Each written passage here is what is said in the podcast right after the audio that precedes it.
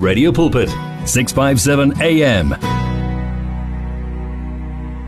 Ah ewami uJehova engimkhonzayo uhleze emuhle ngazo zonke ikhathi. Yebo, my God is good. Oh, uyayiza imisebenzi ayenzayo kubantu. Ayi, uyazi nje uma efikile mfundisi akuhlali kunje. Yebo kunomehluko. Hey kunomehluko. Ah, uyazi nje bathi uyamthatha umuntu angasilutho. Uyazi amenze kube yilento abantu bebangacabanga ukuthi angaba yiyo. Precisely. Oh. Precisely. Precisely. Indeed our God is good. Yeah, he Uche. is. He is. Bengizama ukuthi ngishaye le lento zakhona hayi ngihlulekile mfundisi. Ngithi ngidance njengaba ngihlulekile. yeah, yeah. Umzimba usavumi. Kwali kwalinyawo. Akuzolunga, kuzolunga mntaka ma. Ehhe. Yeah, kancane kancane sibekezele. Yebo. Ngiyakwamukela la ekhaya mfundisi. Eh sibonga ukuthi siphinde sibe nawe. Sizongena ku discussion yethu. Hey njoba eh, yabona sesihambile kakhulu isikhathi sithi 22 after 4. But Hey. anyway singene late even no no sisizakele. Okay. Ingakho sithi asitshontshe nje kancane isikhathi siyaxolisa. Siyaxolisa Ayibonge mfundisi. Nkosi. Siyaxolisa. Sifundisiwe ukuthi sithethelele. Amen. Yeah, okudlula lokho. A- Asingabi ke sisapholisa maseko. Sivele singene endabeni yethu eh hey le ndaba le bazalwana ngazi ukuthi nina niyayizwa mina ithe umfundisi mathi sikhuluma le ndaba ngathi mfundisi please explain more Uthini? be careful of zeros and ones in your life mfundisi a- awusichazele lesisilungu esingaka Hey, angisazi nami ngesithathe. Hey ngathi se mathematics lesi si mathematical sona. okay Yeah, si mathematical. Angibingelele ke abalaleli be Radio Pulpit eindaweni zonke lapho balalela khona. Umsakazo we Radio Pulpit egameni elihle lomfelo wethu Jesu. Amen. amen Ngiyabingelela ke nakuwe sisibahle. amen Uhlelo lwakho lusiphethe kahle kakhulu liyasimangalisa egameni lika Jesu. Amen. amen Sisibahle eh asisezukuchitha isikhathi esiningi kakhulu. Eh okwenzakalayo mntana sekhaya ku- kulungile uNkulunkulu nohlelo ngakho. Besibadinga abantu abafana no nomama loqeda kuphuma abantwana bethu bezwe olunye uhlangothi lwempilo. bakwazi ukuthi babe cautious ngoba kuhle maseyivela kwenye dimension kukhuluma umunye umuntu ohlukile siyambonga uNkulunkulu ngesifundo esingaka amen eh sisibahle zeros and ones. Ake siqale nje ngezwi ngoba uma singafundanga ivesi yeah. ngeke kulunge abantu ngeke benele futhi ke liyafuneka nje libe isisekelo Amen. senkulumo yethu. Aha. Sithole izwi encwadini yaka Genesis uchapter 13 Genesis 13 yes sizofunda from verse 14 to 18 mhm Genesis chapter 13 uverse 14 up till 18 elifundeka ngalendlela ke masinyane. After Lot had left the Lord said to Abraham from where you are look carefully in all directions. I am going to give you and your descendants all the land that you see and it will be yours forever I am going to give you so many descendants that no one will be able to count them. It would be as easy as count all the specks of dust on earth. Now, go and look over the whole land because I am going to give it all to you. So Abram moved his camp and settled near the sacred trees of Mamre at Hebron. And there he built an altar to the Lord. Mm. Sisibahle lana sizokhuluma nje ngehlobo ezimbili sithi just to give a background sibe sesiyaqhubeka ke ne nengxoxo yethu. Mm. Ihlobo lezi eh bayahlobana labazalwane uLothi noAbraham. Manje nabahlobana ke futhi ba bame kahle baneinkomo kufuyiwe kuhleli kahle yiwo wonke umuntu. Mm. and bahleli nasendaweni eyodwa. Manje kufika isikhathi lapho uNkulunkulu a creator i situation eyokuthi laba ababili kufanele bahlukane. Ngoba izinto zakho buhle awukwazi ukuzithola nomunye umuntu.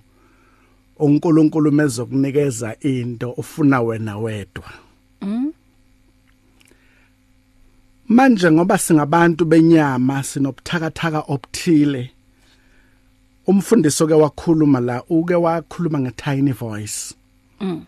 as i was driving down ukhulume nge tiny voice ukuthi asiyizwa nomama usuka la ukhulumile nge tiny voice.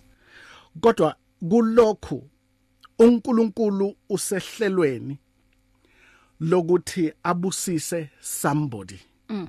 who is Abraham. But now listen ukuthi uNkulunkulu wenzane o creator i scenario o creator isimo ukuthi imfuyo yaka Abraham no Lot ibe yinengi in such a way that abelusi bayo bahluleke ukuyicontrola now ifinyelela la ekuthenini sekufanele bahlukane. Now it's a situation ayimbi emehlweni ethu iqiniso vele bafuyile. Vele kunengi. Indawo yabo incane. Now ukuze kugcwale lapho you will understand ukuthi it is because of God's power ukuthi izilwane zibese ziyagcwala ziyazala zigcwale indawo. But now God is creating that ukuze kube khona lenhloso yakhe ngomuntu ngoba akwenzeki sisibahle ukuthi uNkulunkulu a create a situation angazi ukuthi uyapi ngayo. So labazalwane laba baze bafinyelele ekuthenini kungcono sihlukane uthi uAbraham akukuhle ukuthi sixabane. Kuyofanele ukuthi sihlukane.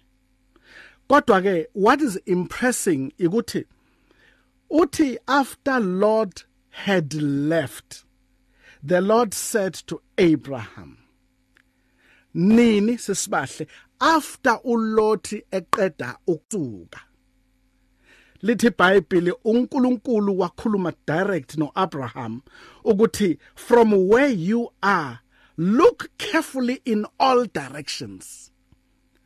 Ngamanye amagama in presence of other people we won't be able to see uNkulunkulu izinto asikhombisa zona my god. Kunabantu sesibahle ekufanele basuke ukuze uNkulunkulu icebo lakhe liphumeleliswe ngoba ulothu uNkulunkulu bethule ukhulume nje ngale ngalesambulo after uLot eqeda ukuhamba.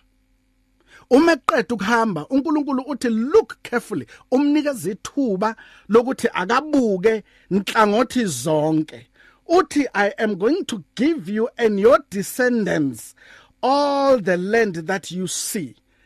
Yonke into Abraham ebekade eyibona ngaleso sikhathi uthi uNkulunkulu uzoyinikezela kuye nezizukulwane zakhe.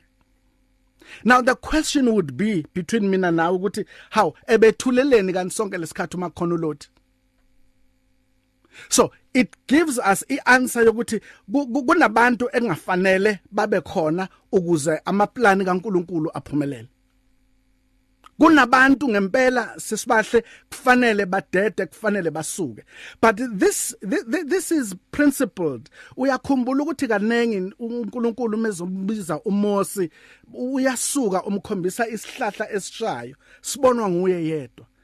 Uyahamba umthi mesondela uthi khulula izimbatata zakho ngoba le ndawo mekuyona ingcwele. So lento le ikhona. uJesu ngesinye isikhathi uma enabafundi bakhe bekanesikhathi sokuthi abashiye abese uyahamba uyokhuleka. So uyabona ukuthi lento yokuthi abantu basale uqhubeke wena wedwa akubona ukuthi uphakeme akubona ukuthi uzenza ngcono akubona ukuthi uyazibona but isikhathi sokuthi uyoba nesikhathi noNkulunkulu wakho namacebo akhe ngawe. So uthi uNkulunkulu look inhlangothi zonke lento oyibonayo ngizokunikeza yona. Now le le, le situation ay ay ay createayo uNkulunkulu theologically sibiza ukuthi it's a paradoxical situation. I situation ebukeka iyiqiniso futhi engenawo amanga kodwa ibe nenhloso ethile ngokwecebo likaNkulunkulu. Kunabantu uma sesiqala sikhuluma ngo zero sisibahle. Mina ngenze arithmetic. I mathematics ingithole endleleni. Yeah. Kodwa ngiqale ngearithmetic. Yes. I arithmetic ino plus ino minus uh -huh. ino divide ino multiply. Mm. Kodwa uma sibuka inimvelo kakhulu kakhulu uNkulunkulu is talking about multiplication. Yeah. Most of the time god speaks he speaks about multiplication. Mm. ingako isihloko sethu ke namhlanje sizoba eh, eh theologically arithmetic angiyazi noma ikhona into enjalo. Kodwa ikhona. Sizoyenza sizoyenza ibe khona. Yebo. Now the danger of some people in your life abo zero sisibahle yeah kune principle noma umthetho othi any number multiplied by 0 mm. is 0 yeah any number multiplied by 0 is zero. is 0 yeah akuna ndaba ukuthi u10 mm. akuna ndaba ukuthi u100 noma u1000 noma u million noma ubillion leyo number engu0 mawumultiply ngayo ayihleki nenye ehlekisayo u0 yeah noma ungenzani noma kungaba u15 billion noma u0 aha. Kunabantu abanjalo esihleli nabo endaweni esihleli kuzo. Sure. Kunabangani sisibahle abango zero hayi ngoba bengabonakali kodwa ukuhlala nabo ayikho into ephilayo. Mm. Uthi omunye ume analyzer uthi such people are poisonous. Mm. Such people are are an infertile soil. They are acidic cancerous and toxic. Uma singenza nje iexample once again kunabantu abakufika bakuthole une million but within no time awusasalanga nalutho. Uyidle naye na uthi uyacheck ukuthi wenzeni you don't even know what you have done with that money. Mm. noma impilo yakho uthi uyamhlebela amaphupha akho uthi ngifisa ukwenza into ethile ibe iphile ube ne business plan ube nakho konke. But ubungozi ukuthi ubese utshela yena. Oh my god. Mm. Kunabantu nje aba acidic bayazidla nje izinto zabantu.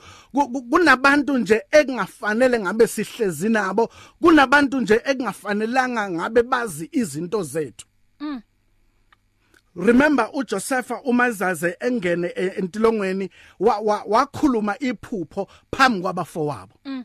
Abantu abakade acabanga ukuthi naka umekhuluma nabo bazomlalela bazomnikeza ama ideas bazom you know they will pray for him mhlawumbe bazofasta naye kanti lesikhathi bamgubhela umgodi.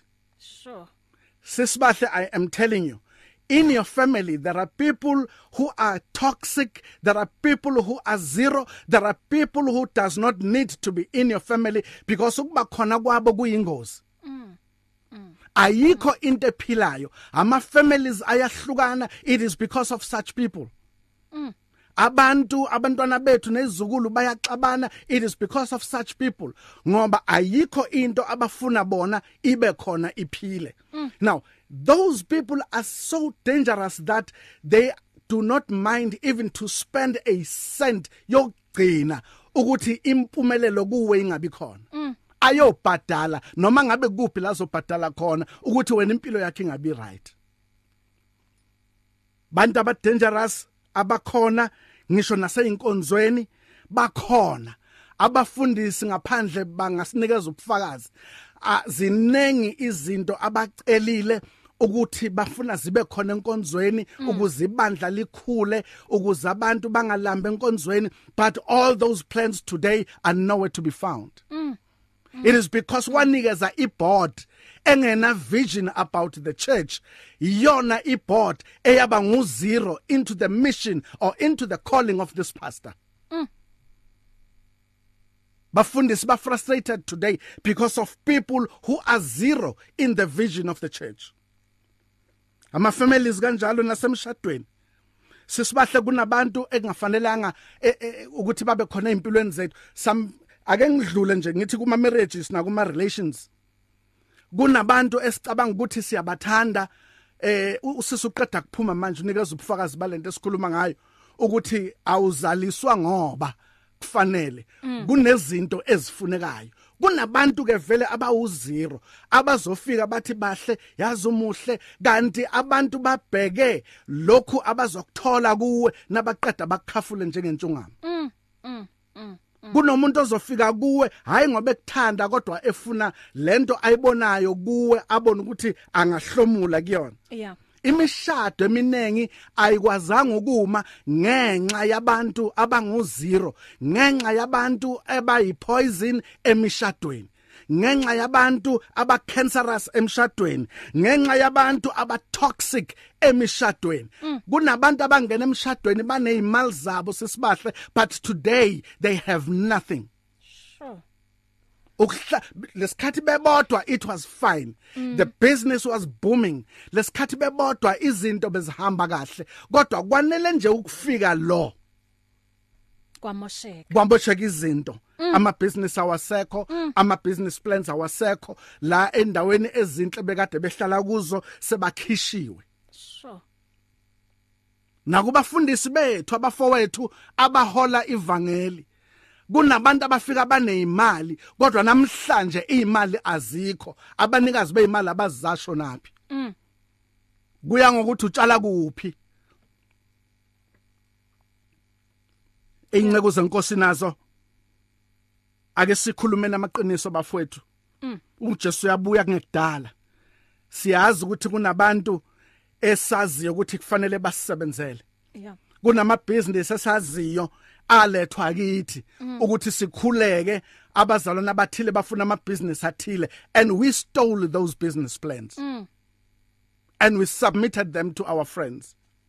Those people are left with nothing today. Sure. Basinikeza ngokwethemba basinikeza ngokukholwa ukuthi singabafundisi. Mm. ekugcineni abasanalutho. Oh. Ake siye kule yesibili sisibahle. Any number multiplied by 1 is that number. Mm. mm yeah. Namuhla khona.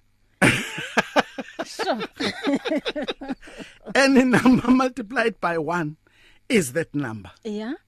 Lana sikhuluma ngabantu aba stagnant ngabantu aba non progressive ngabantu abangenamaphupho sisibahle mm. ngabantu abahlulekayo ngisho ukuzama abantu abangena plan for a future.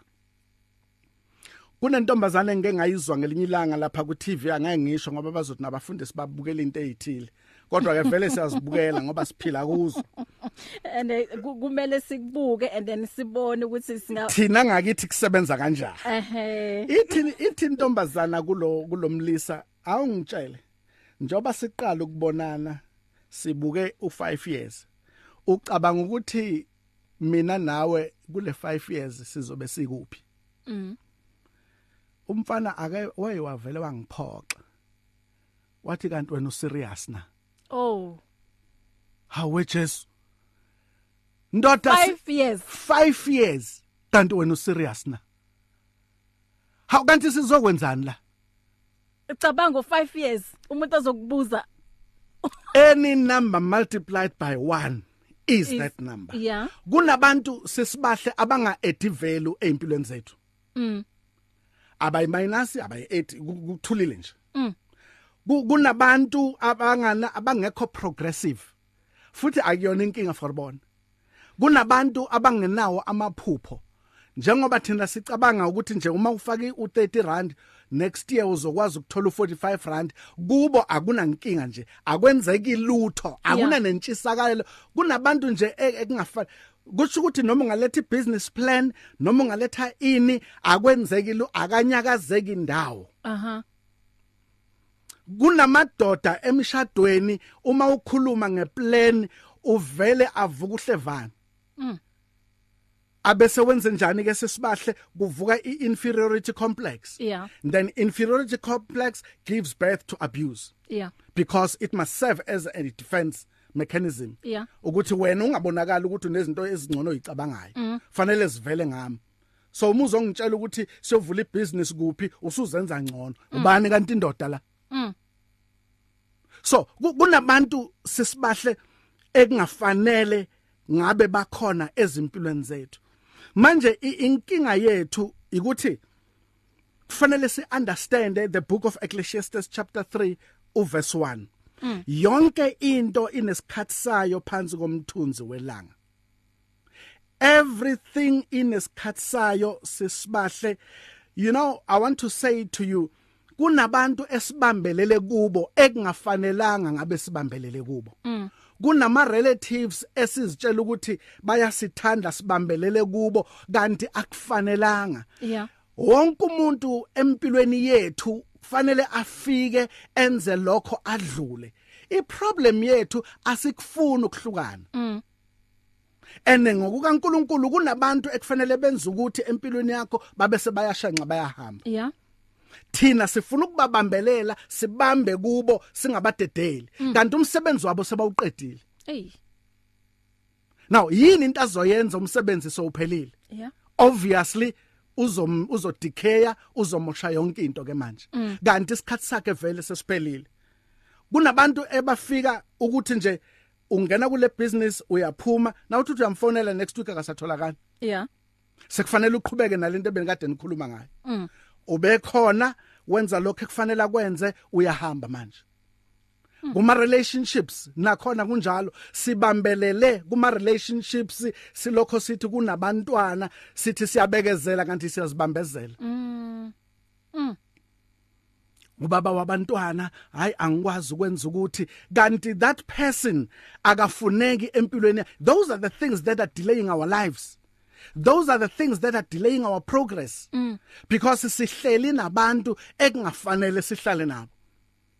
Izwi namhlanje liyasitshela ukuthi kwathi ukusuka kukaLot uNkulunkulu wakwazi ukukhuluma noAbraham. It other words ngekuba khona kukaLot uNkulunkulu kunezinto bekazozibamba angazidedeli ukuthi ziye kuAbraham. But zivele ngoba sekusuke uLot so isempilweni yethu leyo nto leyo kunabantu ekufanele ukuthi basuke ukuze sikwazi ukuxhumana noNkulunkulu. Kunabantu aba- aba- abayipoison ekufanele basuke ukuze sikwazi ukuthi sihlomule sithole izinto zethu. Asihlupheki ngoba sihlupheka. It is because sifuna ukuthi nasicabanga into siyishare siyikhulume nabantu abathile. Kanti uyikhuluma nomuntu opoisonous? Ngikuzwa kahle.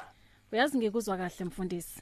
16 uh before 5 o'clock. Sikuyona le ndaba sithi be careful of zeros and ones in your life. So ngamafuphi singasho la mfundisi ukuthi be careful ukuthi who you allow in your life. in your life. Yes. Yes. Mm. Ayikho yenza njani? Rude as it may sound kodwa kufanele ukuthi iqiniso seliface Yeah. iqiniso sesibahle i'm not saying it in a bad way kodwa kunabantu abasibambezela empilweni. Now uthi uyacheka you know what? I would have been so far if it was not for ubahle. Mm mm mm. Buka emva kokuthi ubahla hambe empilweni yami impilo iqhubeka kanjani. Sure. It you know size sisho. Sithi you know what? If if ngathola lento le earlier on impilo yami would be so far. Kuyiqiniso. But ngahlala ngathi ngiyabekezela kanti ngiyazibambezela. Mm. So kunabantu ekufanele si understand eh sisibahle ukuthi asina choice. Yeah. Kufanele bahambe ngoba ukuba khona kwabo asizukumuza uNkulunkulu ekhuluma nathi. Yeah. Ngoba ba poisonous. Abanye ba stagnant abana progress. Kunabakhwenyana bangena progress. Bahleli nje fanele niyokuloko nidla Kentucky fanele niyodla McDonald but ayikho into ayikhulumayo ngeinvestment. Mm ayikho into ayikhulumayo ngomuzi. So abantu abanjalo a- a- abadingeki ezimpilweni zethu. Kuyafuneka sisibahle ukuthi abantu abanjalo sibadedele empilweni zethu abahambe. Ene akusho ukuthi unenzondo Cha. kwabona cha. Yes. Awunanzondo uyabathanda. Kodwa akufanelanga babe closer to you. Yeah. ngamanye amagama kunezinto zakho ekungafanelanga uzisho kubo. Mm. Ngoba wazisho sezishabalele singaqali kumoshekile yo ngikuzwa kahle mfundisi. Hey anga- mhlambe lapha emakhaya nabo bayathanda ukuthi ke eh baphawule kulolu daba. Si- singayivulela incingo mfundisi? Asiyivulele ma. Okay. 0123341322 Sikhuluma le ndaba ke kulentamba abasithi be careful of zeros and ones in your life. Njoba ke ayichaze kahle eh umfundisi ngamafuphi nje ukuthi who are you giving access to empilweni yakho? U- ubani omalawayo in your life? 0123341322 usemoyeni sawubona? Sisipashe yebo ma. Sanibonani. sanibona. Sawubona. Ma. Ngicela ukuba anonymous. yebo makulungile Oh mama mabhema. oh. Hey ene ngiyayizwa le voice ukuthi ngiyayifanisa. I-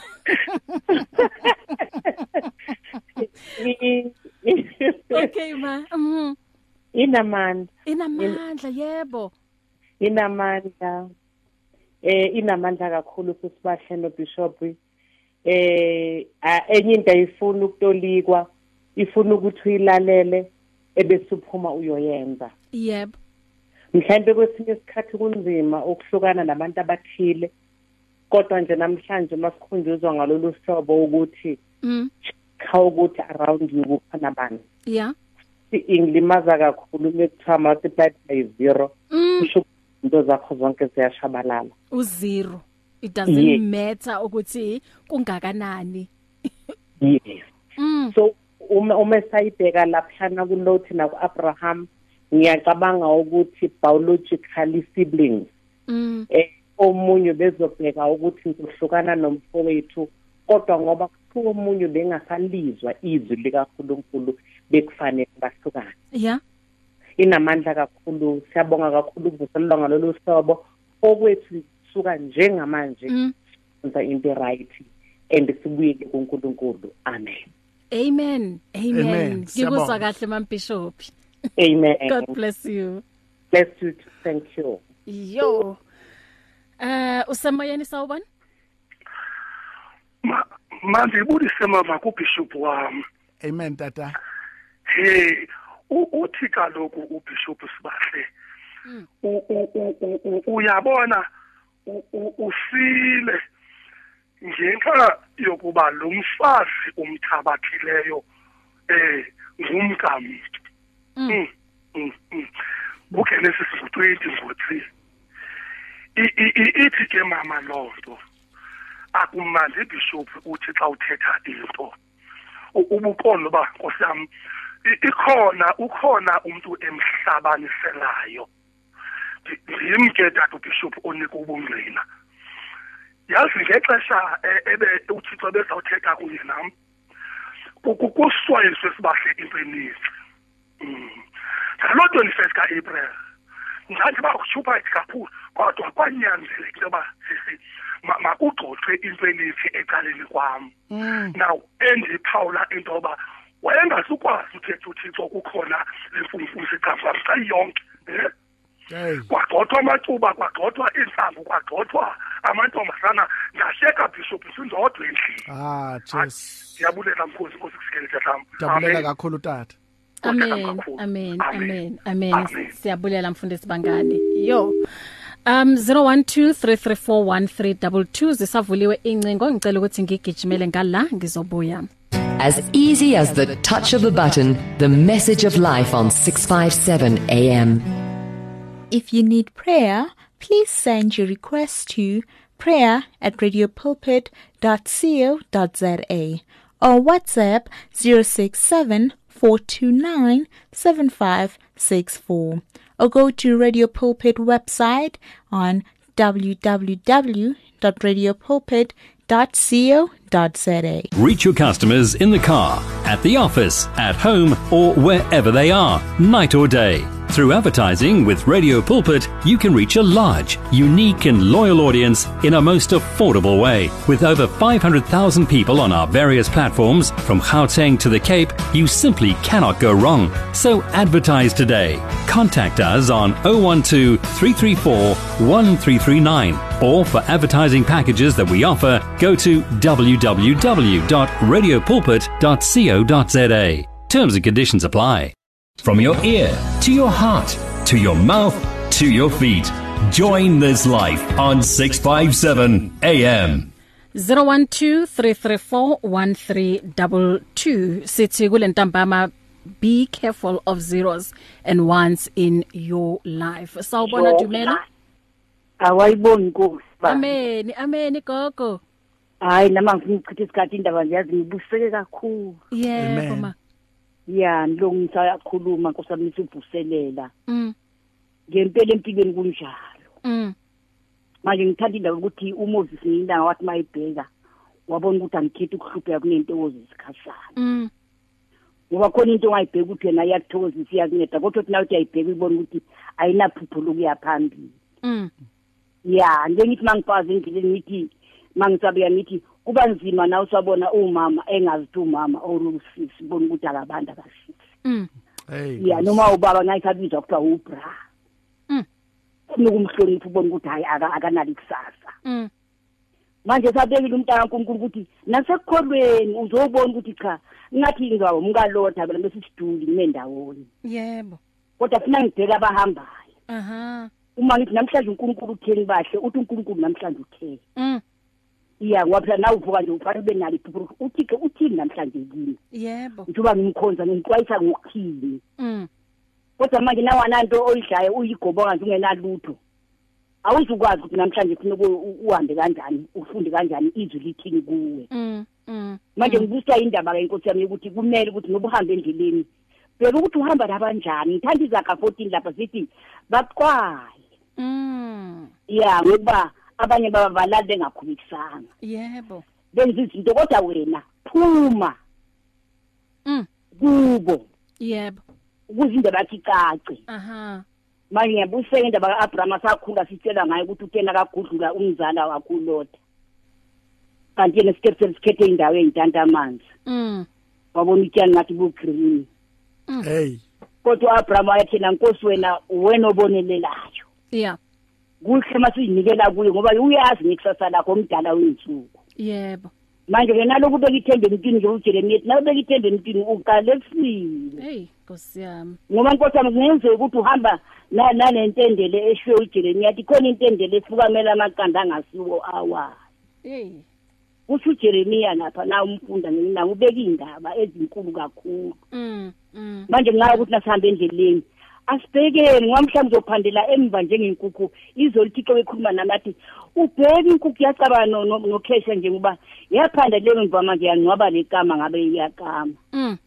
ukhesha nakafika mathothi igama nansi ingcwabele kwase kuba yizitha so kufuneka ubheke ukuthi uhamba kanjani endini kwenzakalani Yebo, yebo. hlukana nomuntu onganaphupho Mm.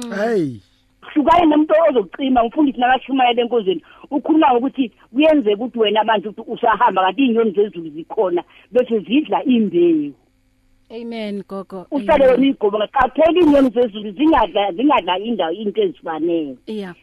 manje sithi basha phambili bantwana bethu siyayibonga inkosi ngani amen Amen. Alihambe ivangeli. Sure.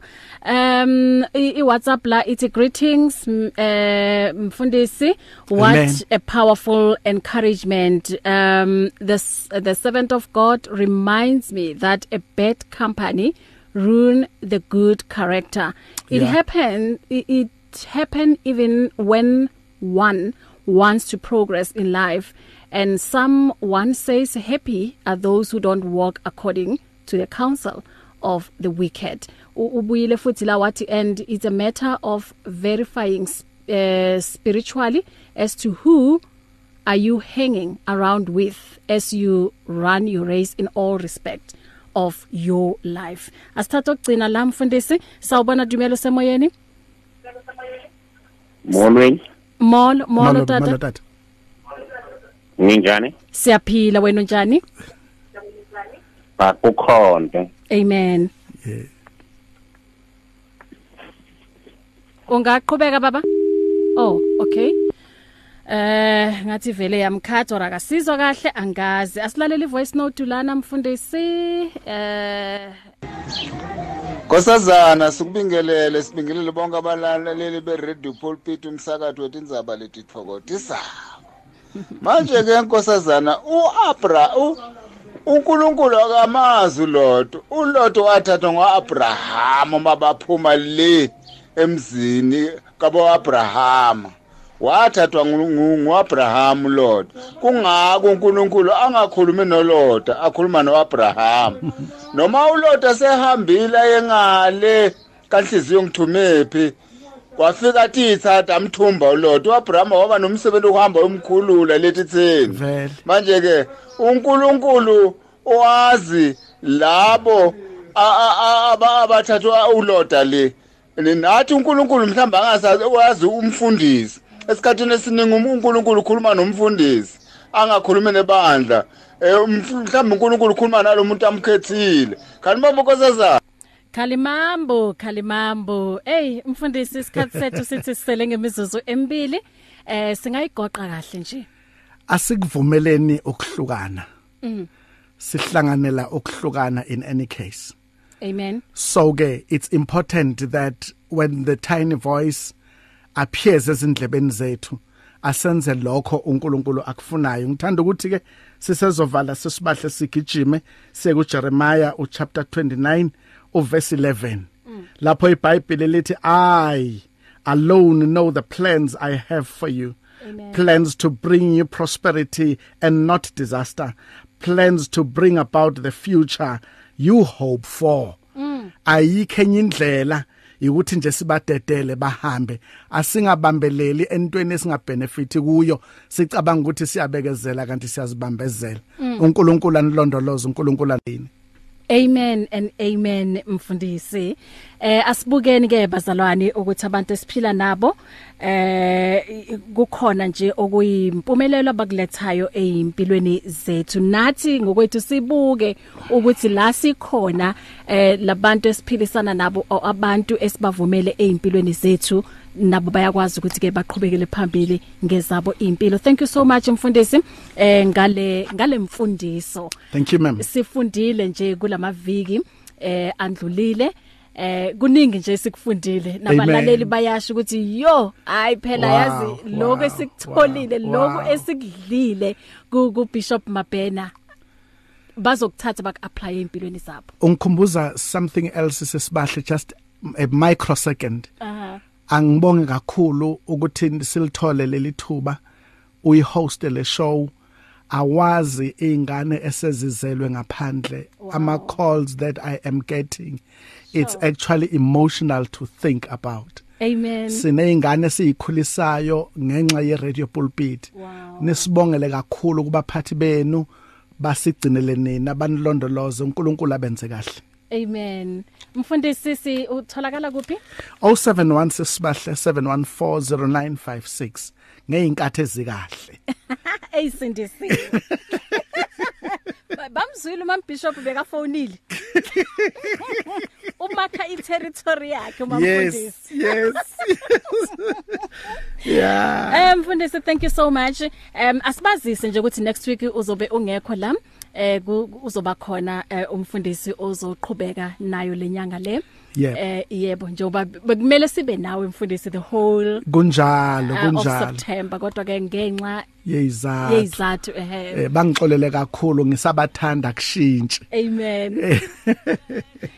Em uPastor Ray Legodi uyeza? Uzoqhubeka nawe kuze kuyoshaya u7 mina nawe kusasa ekseni sisonke 4am until half 5 si ehleleni mphatlalatsani One vision, one voice, one message.